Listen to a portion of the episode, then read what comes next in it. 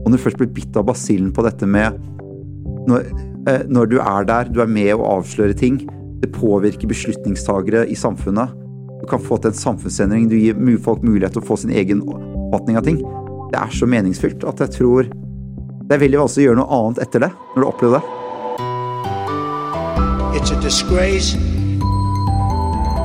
And I think they ought to apologize to start with. Dominere mediebildet. A failing media. Pile of garbage. Pause. False and fake, fake, fake, fake, fake, fake. Hvis du er en litt uh, sånn type som meg, uh, en journalist som blir litt engstelig hver gang jeg må skrive om bunnlinje, regnskapstall og noe som jeg tror heter EBITDA, uh, ja, da er denne episoden her for det. For dagens gjest har nemlig doktorgrad i regnskap og revisjon. Han er siviløkonom og foreleser i regnskap. Ja, Og så er han en energisk gravejournalist. Velkommen til Pressepodden, Kyrre Kjellervold. Tusen takk. Mitt navn er Kristine Sterud. Vi skal lære litt mer om hvem du er, og litt mer om hvordan du bruker regnskap inn i journalistikken. Men først skal vi ha en bitte liten reklamepause. Stiftelsen Fritt Ord inviterer journalister til å søke prosjektstøtte i 2023. Fritt Ord tildeler 25 millioner kroner til journalistikkprosjekter hvert år. Og neste søknadsfrist er 10. mars. Du kan søke støtte både som redaksjon, ansatt journalist eller som frilanser. Les mer på frittord.no.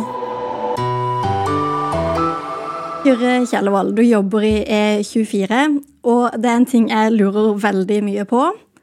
Hva er egentlig EBITDA? Er det sånn det sies? Earning, EBITDA det er earnings before interest, taxes, depreciation and amortization. Så det er et måltall i regnskapet som er ment å tilnærme seg netto kontantstrømmer fra driften. Så det er liksom før Det er liksom grunntallet? Det er på en måte skal vise direkte hva selskapet tjener på hovedvirksomheten sin sitter igjen med kontanter. Det er ikke rett frem. Eh, det, har, det er et mål som har eh, utfordringer. Det fanger ikke opp alt. Eh, så jeg vil anbefale de som hva skal jeg si, bruker måltall, å rapportere flere. Men det er mye brukt, for det brukes også når analytikere verdsetter selskaper. Og det er et mål børsnoterte selskaper i stor grad styrer etter også. Ikke sant. Da ble jeg litt klokere kjent. her. Vi skal snakke enda mer om det her senere i episoden. Litt sånn dine tips til hva man skal se etter. For du var jo inne på her at det, det kanskje er flere tall man må ha med seg. Uh, vi skal jo snakke litt om hvem du er, uh, og hva du jobber med sånn til vanlig når du ikke ser på disse EBIT-avtalene. Jeg sa jo i starten at du var professor, og akkurat hva slags utdanning og bakgrunn er det du har? Så, så, det riktige å si er at i dag så er jeg foreleser i regnskap eh, på Handelshøyskolen BI ved siden av min jobb som journalist. Eh, og som, når jeg tok eh, doktorgrad, så tok jeg den i eh, revisjon og regnskap. Eh, jeg så på hvordan revisorer eh, i praksis vurderer estimatusikkerhet i regnskapet. Rett og slett at når selskaper avlegger regnskap, så må de etter internasjonale regnskapsregler presentere estimater på markedsverdier på enkelte eiendeler. Eksempel, hva er et forretningsbygg i Brønnøysund verdt? Det krever veldig mye skjønn, og ofte bruk av eksperter. Og jeg så på hvordan selskaper, eh, interessekonflikter i selskapet, de kan ofte ha ønske om å presentere høyest mulig verdi eh, på disse byggene. ikke sant? Hvordan det slo ut i praksis, og hvordan revisor fanget opp disse interessekonfliktene og disse påvirkningsmulighetene. da. Som et slags strategisk spill mellom ledelsen og ekspertene de hyrer inn, og revisor som skal se ledelsen i kortene. da. Det var det jeg så på. Og så så jeg det på gjennom eksperimenter og gjennom feltstudier. da. Men det er økonomistudier du har tatt, du har ikke nødvendigvis tatt journalistutdanningen til deg. Det stemmer. Så jeg, er, jeg har rundet den som sier. Jeg har vært Jeg var, jeg var der eh, skal vi si, seks år som vanlig student og fire år som eh, ph.d., så jeg, har en, jeg er siviløkonom med en master i finans. Eh, og så har jeg i tillegg en master i regnskapsrevisjon. Det er den masteren som er nødvendig for å bli statsautorisert revisor.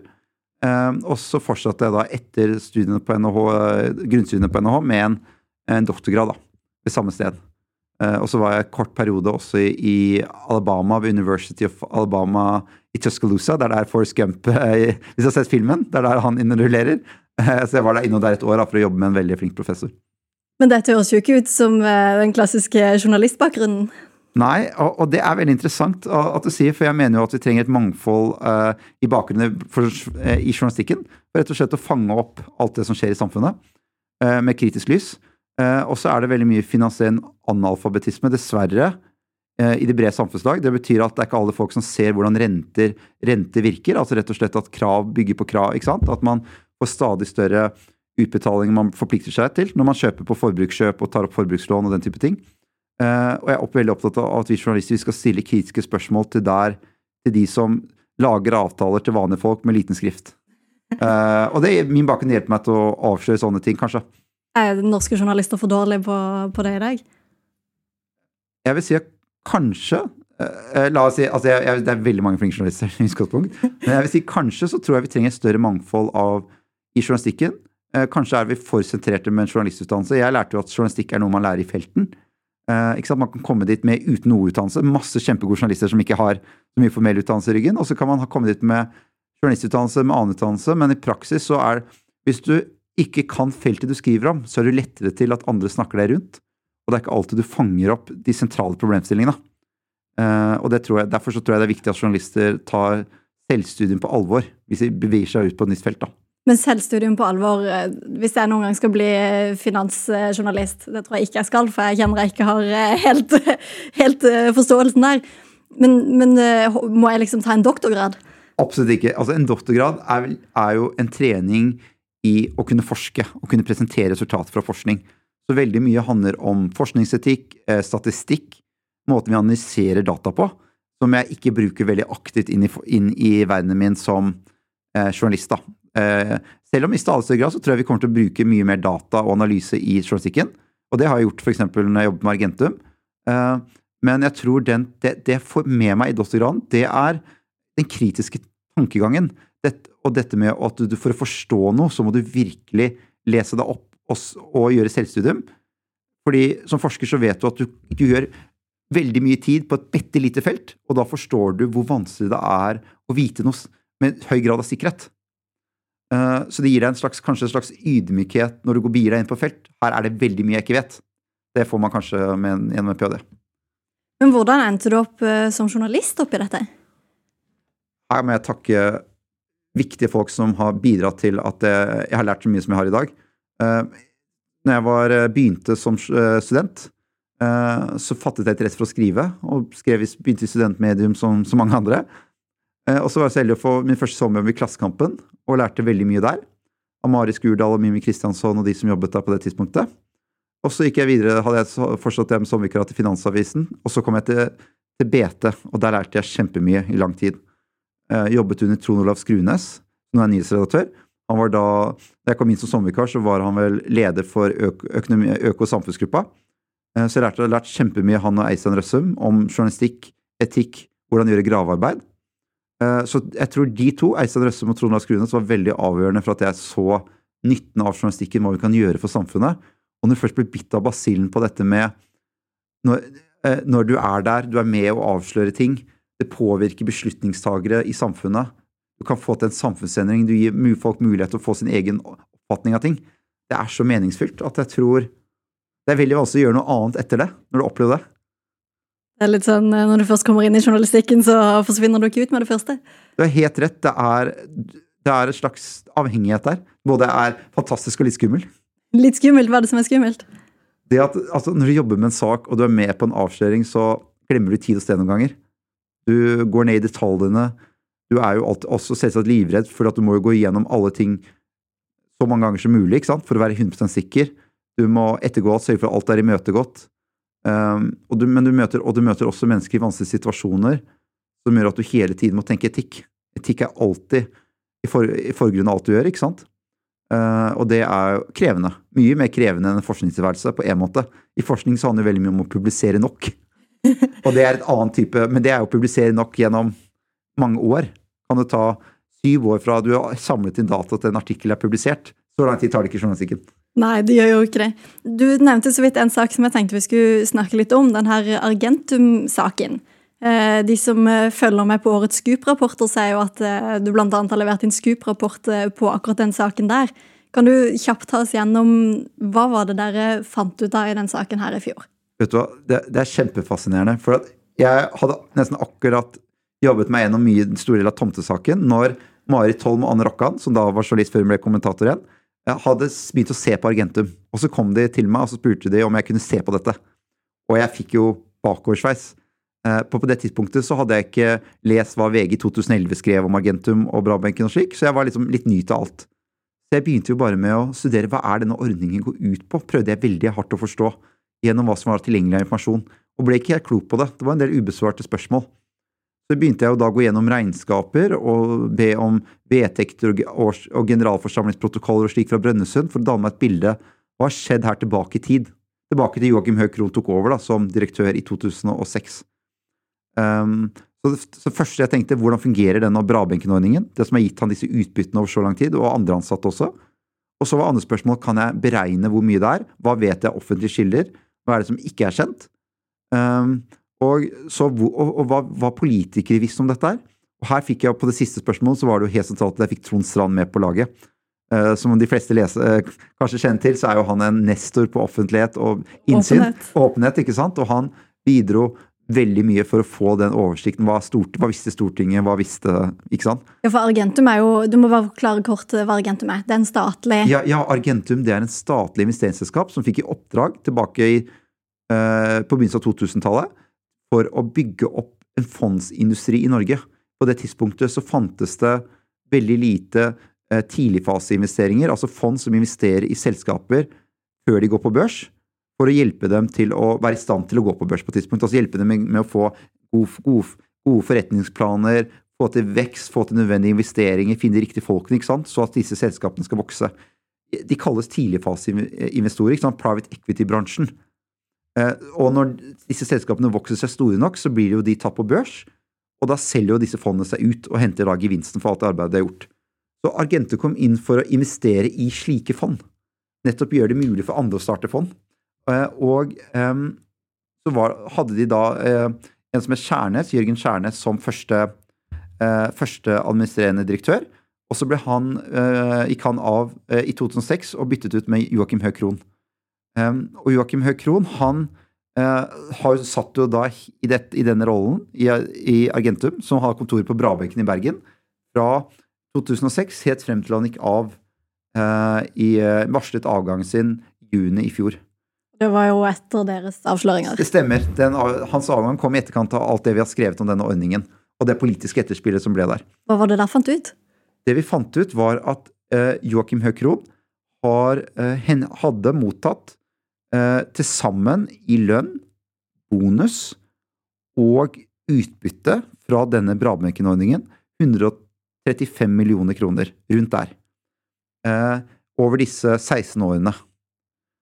Eh, denne, denne Brabenken-ordningen eh, utgjorde vel 40, over 47 millioner av denne summen.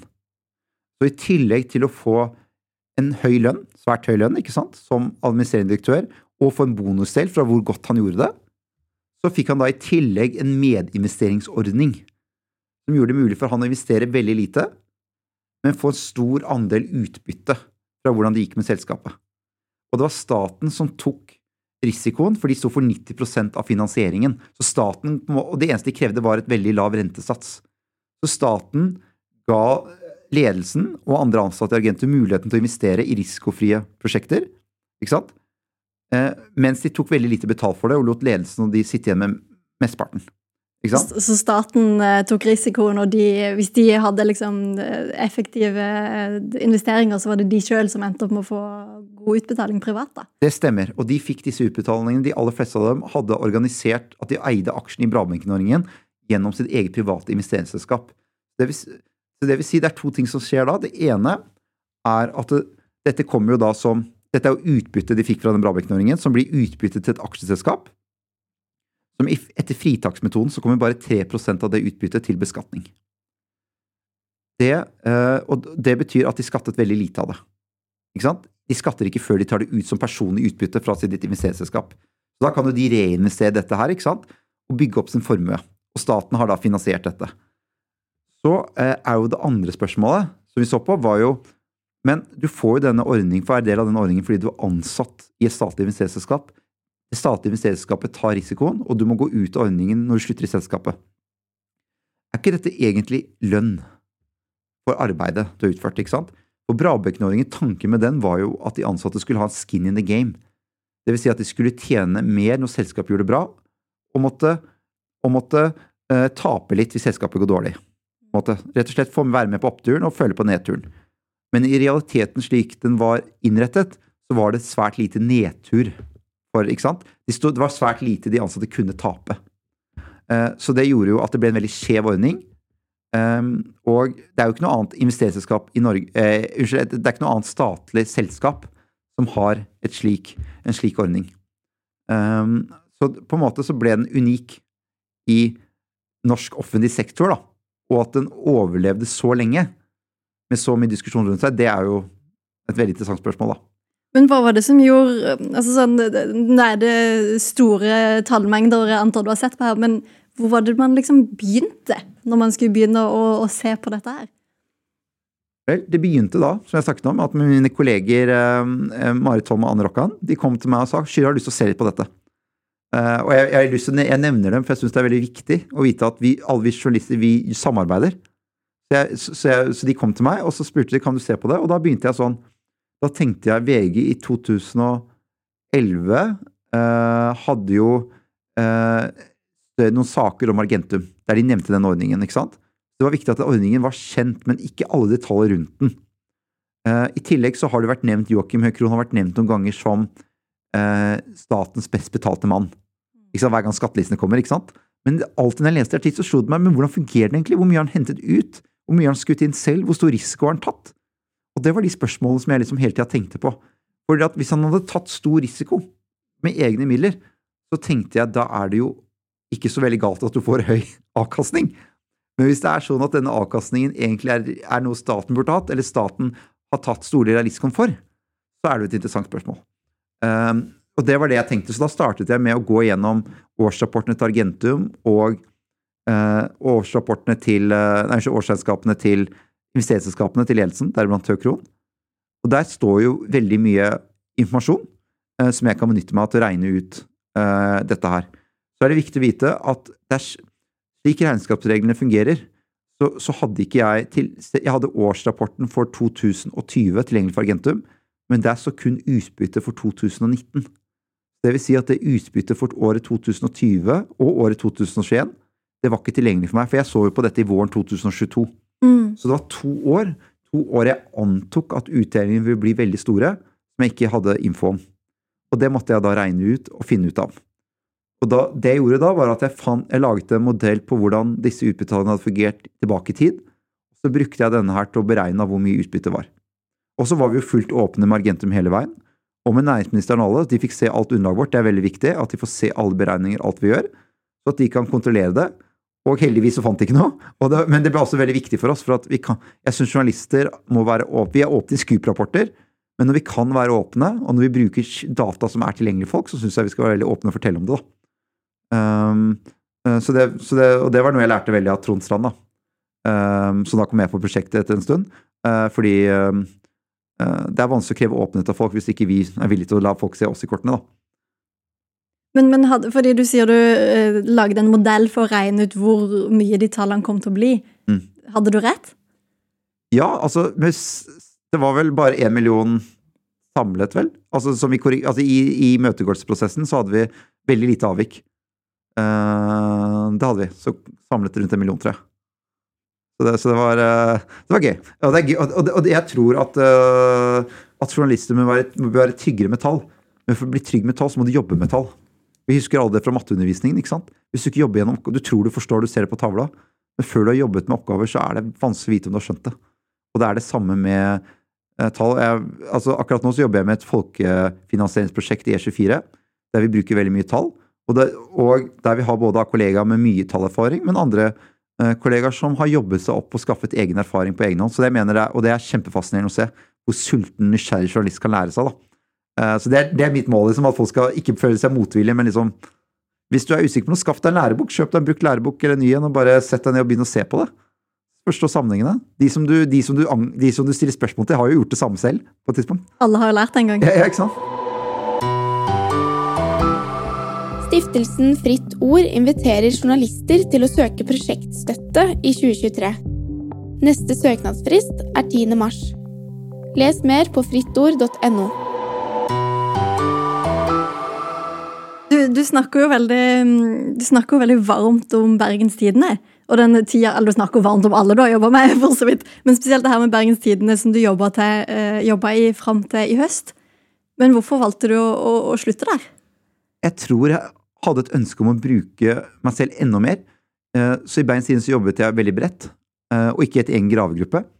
Så jeg da fikk tilbud om å kunne arbeide tett i det jeg anser som en veldig sterk redaksjon, et, på et nyhetssted som, som, er veldig som vokser mye, og veldig opptatt av å befeste sin posisjon som liksom uh, den, det nettstedet som gir mest kritisk næringslivsjournalistikk. Uh, så er så jeg fikk jeg, skjønte, det var liksom bare, jeg, så, jeg, så, jeg tenkte at her kan jeg liksom, under ledelsen av Anders Kjellberg, utvikle meg, da og få bruke kunnskapen min mer, eh, mer. Det var egentlig bakgrunnen min, og jeg savner kollegene mine i Verdensiden også. Det, er, det, var ikke med lett hjerte. Altså, det, er, uh, det er alltid tøft å gjøre det når folk du er glad i, folk du har jobbet med mye. Men det var det muligheten til å kunne liksom, eh, jobbe enda mer med saker som Agentum, da. Uh, og saker som Tomtesaken også. Uh, hvis du kjente den om historien Per Arne Hannekam og Tor Eik Nilsen. Sånne, sånne type saker, da. Som jeg nå egentlig har fullmakt til å gjøre hele tiden. det var en mulighet jeg ikke kunne lage opp fra meg, da. Og det prosjektet dere jobber med nå, du skal få lov å slippe å prate om ting som ikke er publisert ennå, men når er det da sikter på å ha noe konkret der? Ja, altså, noe er jo publisert, det ble publisert i helgen om, om, om eh, folkefinansieringsplattformen eh, Monio. Og hva de gir av informasjon til, lån, til potensielle og nåværende långivere. Det er jo det prosjektet handler om. Altså, folkefinansiering har vokst frem som en har vokst veldig raskt som en ny investeringsform, og de henvender seg til private småsparere. Og det, mange av de har ikke profesjonell kompetanse innen finans og investeringer. Hvordan er det de forstår risikoen i prosjektet, og hvordan kommuniserer egentlig disse plattformene? De ønsker jo at folk skal investere der, og de er jo avhengig, de slåss jo om prosjekter på plattformene. ikke sant? Hvem er det selskaper som ønsker å få hente kapital? De plattformene konkurrerer jo om å vinne disse selskapenes gunst, ikke sant? Samtidig som de ønsker at folk skal investere i dem. Så se dem i kortene hva slags informasjon de gir til långivere. Eh, hvordan det går med investeringene. Taper långiverne pengene sine? Eh, og hvem er det som tjener på dette? Eh, det syns jeg er en viktig journalistisk oppgave. da, Og ikke bare vente til f.eks. alt går gærent eller alt går bra, men se hele tiden. ikke sant? Eh, og det er det vi prøver på å gjøre her. da. For fintech det vokser veldig sterkt nå, og det har kanskje vært, eh, ikke vært dekket nok av norsk presse. da. Da jobber du for å, for å, gjøre noe med, rett og slett? Ja, sammen med gode kollegaer i E24, så gjør jeg det. En av mange. En av mange, det er bra. Vi skal jo, eh, Da jeg spurte om du ville være med i denne podkasten, eh, så spurte jeg om vi kunne ta en liten sesjon som jeg bare kaller for Regnskap for dummies. Eh, som er de journalistene, meg sjøl inkludert, som ikke nødvendigvis skal avsløre store skattefusk eller store finansieringsfond men som i hverdagen kommer til liksom på et eller annet vis måtte skrive om eller dekke regnskap. Eh, så hvis man skal liksom gå inn i det her med, eh, med, regnskap, og man egentlig ikke kan så mye om det fra før av, hvor er det man på en måte må begynne? Hvis man skal lese et regnskap, så begynner man jo ofte i resultatoppstillingen. Og det, det viser jo liksom endringer i inntekter og kostnader, f.eks. i løpet av et år. Det er ofte der man starter. Um, man ønsker da å begynne å skanne nedover, ikke sant? få oversikt over driftsinntektene og driftskostnadene og driftsresultatet. Selskapet som har, et, som har som virksomhet å selge varer og tjenester, f.eks. Da kan man jo begynne å se på marginene, ikke sant? ta driftsresultat og dele på driftsinntektene. Det er jo et enkelt måltall som forteller deg på hver krone et selskap selger, hvor mange øre sitter de igjen med til å dekke rentekostnader, eh, betale skatt, betale et utbytte og den type ting. Så Det er den første, første ting man kan gjøre. Og så er man jo opptatt av å se på hvor stor Og noen selskaper har jo høye marginer, noen har lave marginer. Rema 1000 har jo lave marginer, for de selger jo mye til lav pris. Mens et, et, et eiendomsselskap har høye marginer, for de eh, har jo lave driftskostnader eh, Ikke nødvendigvis veldig høye driftskostnader, men eh, høye leieinntekter. Um, så kan man øh, begynne når man har sett liksom på å forstå driften. Men det viktige er for å forstå et regnskap, så man forstår virksomheten. Man forstår hvordan selskapet tjener penger, for å vite hvor i regnskapet det er interessant å se. Det, det er én ting, for det er ikke alle selskap som har nødvendigvis så mye drift. Det kan være et holdingselskap som har masse investeringer og får motta renteinntekter og utbytte fra de. Da er det naturlig å se på finanspostene. Finansinntekter og finanskostnader. Og så skanner man nedover, og så ser man er det endring fra fjoråret til i år. som er, Eller fjoråret er jo det regnskapet vi ser på, unnskyld for dette. Eh, og det vet vi kommer jo i, på sommeren stort sett, ikke sant. Eh, men man prøver også å se da fra det året tidligere, ikke sant. Er noen store endringer? Uh, og utover det så er det liksom å begynne Når man har gjort det, og sett, har selskapet har et inntektsforhold, en stor sterk inntektsvekst, har de noen kostnader som ser unormale høye ut? Det er sånne ting som man bør se på. Så går man til, eh, går man til balansen og studerer f.eks. egenkapital og gjeldssituasjonen. Så egenkapital, det er en restpost. Det er sum Hvis man tar eiendelssiden til et selskap og trekker fra gjelden, så finner man ut hvor mye av selskapets eiendeler som er finansiert med egne med eiernes midler. Det er det egenkapital er. Så det vil si at hvis eiendelene faller i verdi, eller gjelden øker, så vil jo egenkapitalen eh, falle, ikke sant? Eh, andelen. Og egenkapital, det er jo det man kan spise av i dårlige tider. Si det er det som er sparepengene, liksom? Ja, på, du kan si det på den måten. ikke sant? Du kan si at hvis et selskap går med gode resultater i mange år, og ikke deler ut dette som utbytte, så vil jo egenkapitalen øke. Og når det da går dårlige tider og de går med underskudd, så er det jo egenkapitalen det spises av. Så på en måte så er det viktig for studenter å forstå Nei, unnskyld, journalister. Ja, studenter for den saks skyld. Å forstå at hvis et selskap, eh, soliditeten til et selskap, eller la oss si konkursfaren, risikoen for at noe går galt, eh, det henger sammen med finansieringen til selskap. Og balansen det viste er liksom en snapshot av den finansielle stillingen til selskap ved 31.12. Eh, hva har det eiendeler? Hva består eiendelssiden av? Hvordan er det finansiert? Det er det balansen er. Og når jeg har gjort det, så vil jeg ha lyst til å se på fotnotene. Fotnotene er jo den informasjonen som er lovpålagt og pålagt i eh, regnskapsstandarder å gi for å kunne forstå resultatet og balansen. Så det må alle opplyse om liksom, hvorfor dette tallet er som det er, og da kommer det en fotnote på det? Eh, nesten sånn. Eh, nå er det noe forenklinger hvis du er et lite selskap, altså små foretak i regnskapsloven, men det er sånn at noen noter må alle ha. Sånn som over ansatte og lederlønn og sånne ting. Og så er det andre noter som følger av at det er en veldig vesentlig post. Du skal forklare liksom vesentlige poster, eller hvis det har vært vesentlige endringer og sånne ting, så er det informasjon som man må forvente å finne i fotnoter.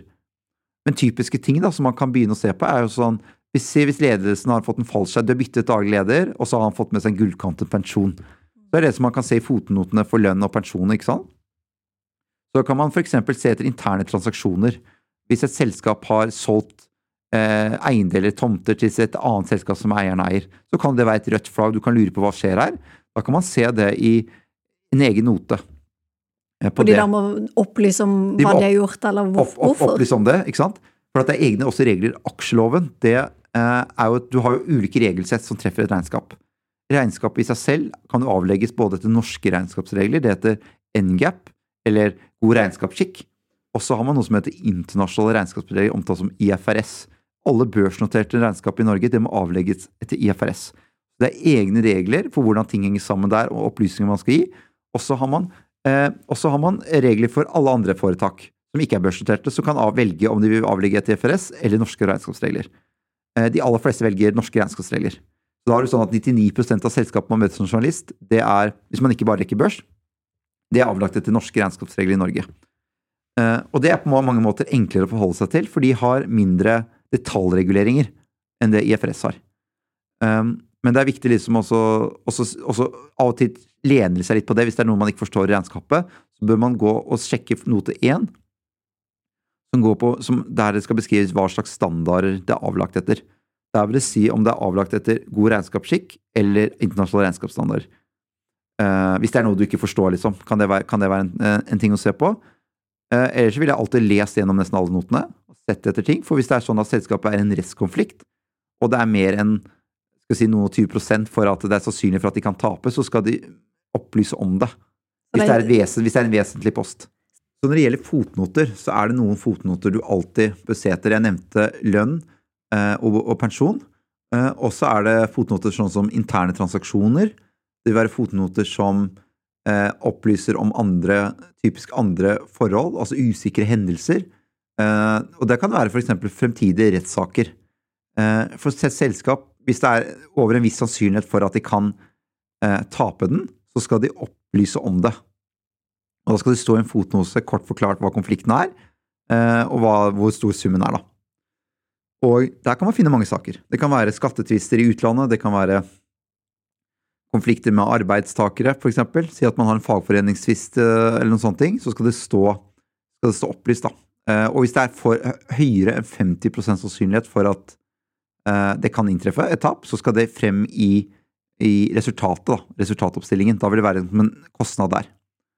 Så det er sånne ting man kan se på. Og så er det noe som heter nedskrivninger. Det vil si at et regnskap skal avlegges etter norske regnskapsregler etter et prinsipp som heter forsiktighetsprinsippet. Så forsiktighetsprinsippet det sier at du skal ta et tap når det kan konstateres, men, ikke, men, men også før det er realisert. Det vil si at hvis du ser nå at markedet går veldig langt ned for, for det du selger, og fabrikkene dine eller skipene dine som frakter varer, de vil jo, da, vil jo da få mye lavere verdi, så skal du ta tapet i dag og skrive ned verdien på eiendelene dine, istedenfor å vente til det blir realisert. Det er, det er derfor det heter forsiktighetsprinsippet. Forventa tap. Mm. Nettopp, nettopp, ikke sant? Uh, og da skal det skrives ned til den verdien du kunne solgt eiendel for i dag, uh, eller, um, eller, det du eiendelen er verdt for deg i bruken den har nå. Så det vil si at for eksempel hvis varene må fremover nå selges for mye lavere pris, så vil det kunne lede til at fabrikken ikke kan uh, ha så høy verdi da, lenger. Og da vil det komme frem i resultatoppstillingen, og det skal stå forklart i en note. Og det var en problemstilling eksempel i Norske Skog. Uh, der kranglet jo de ledelsen med revisor, fordi at revisor mente markedet var så dårlig at fabrikkene var langt mye verdt. Men hvis man skrev ned verdien på de fabrikkene, så ville egenkapitalen til selskapet bli tapt. For som jeg nevnte, egenkapital det er jo eiendeler minus gjeld, så hvis eiendelene faller mye i verdi, så blir jo egenkapitalen borte. Og da kan jo det faktisk føre til konkurs, være en konkursfare, og styret etter aksjeloven har en handleplikt at man skal ha forsvarlig egenkapital. Så det kunne lede til at styret måtte ta handlinger, da. Um, og det førte jo til en mye Det var jo skrevet om både E24 og DN, ikke sant, den konflikten der. Som er veldig spennende, egentlig. Det er veldig sjelden et selskap går ut og kritiserer revisorer. Og når det gjelder revisorer, så er, det, er jo de en bjellesau, på en måte, da. Eh, på den måten, at De har et lovpålagt ansvar for å være med å forebygge for økonomisk kriminalitet. Deres oppgave er ikke å, å granske et selskap. Deres oppgave er å gi en eh, revisjonsberetning og der uttale seg om det foreligger vesentlig feil eller ikke i regnskapet, om det er andre forhold som kan gi ansvar for styret, og den type ting. Så det, Av og til så er det litt urettferdig når revisor får skylden for ting, hvis de et underslag. For hvis underslaget f.eks. er lite, så er det jo ikke et vesentlig feil i regnskapet. For revisor har ansvar for regnskapet. Eh, men revisor vil f.eks. si at han ikke kan uttale seg hvis ikke det forelegger noen dokumentasjon for det som står der.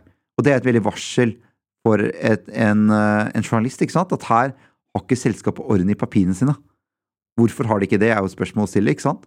Og hvis revisor trekker seg fra selskap, så er jo det et veldig faresignal. Fordi at det eh, skal revisor gjøre. Eh, gjør revisor sjelden, men han skal gjøre det hvis han blir hindret i arbeidet. Hvis han, og hvis han, hvis han fortsetter å arbeide, så vil han bidra til økonomisk kvalitet. Da skal han trekke seg. Og da skal varsle, og det kommer som en kunngjøring i Brønnøysund, så det kan journalister følge der, eller lese gjennom Proff. Um, og eh, når han trekker seg, så må jo selskapet, hvis det er krav til å ha revisor, som alle aksjeselskap over en viss størrelse har, så må de eh, han varsler eventuelt en ny revisor. Hvis selskapet greier å få på plass en ny revisor, så kan ikke revisor ta på seg oppdraget før han snakket med gammel revisor og da mm. fått vite. Og da er gammel revisor fritatt fra taushetsplikt, så han må da opplyse den nye, eventuelt nye revisoren om hvorfor han trakk seg.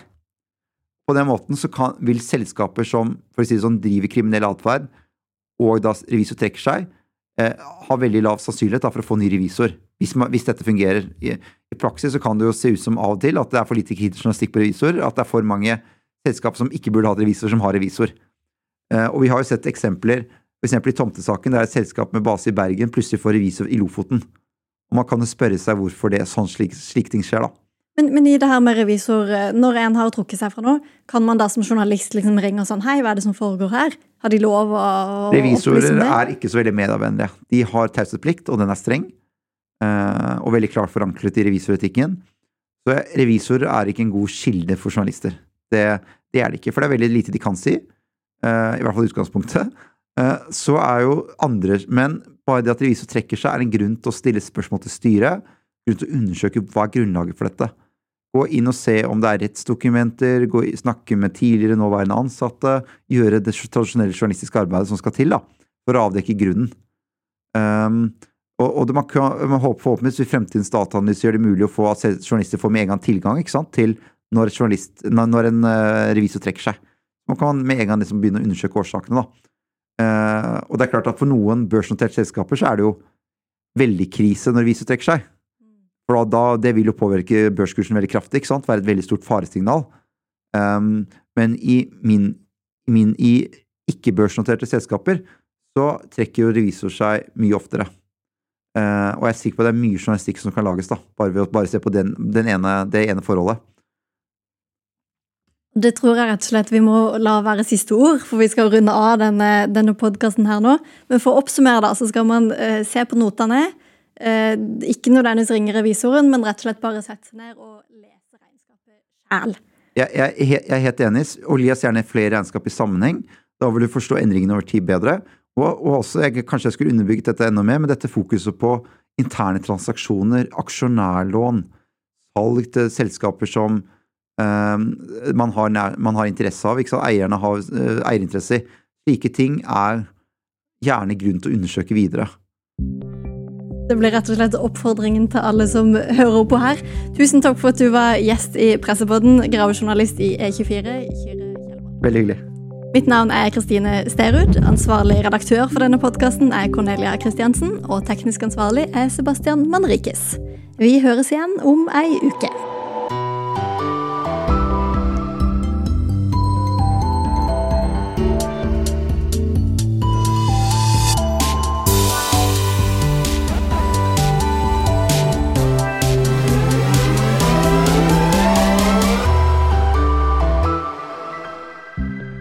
Stiftelsen Fritt Ord inviterer journalister til å søke prosjektstøtte i 2023.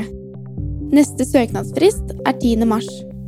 Les mer på frittord.no.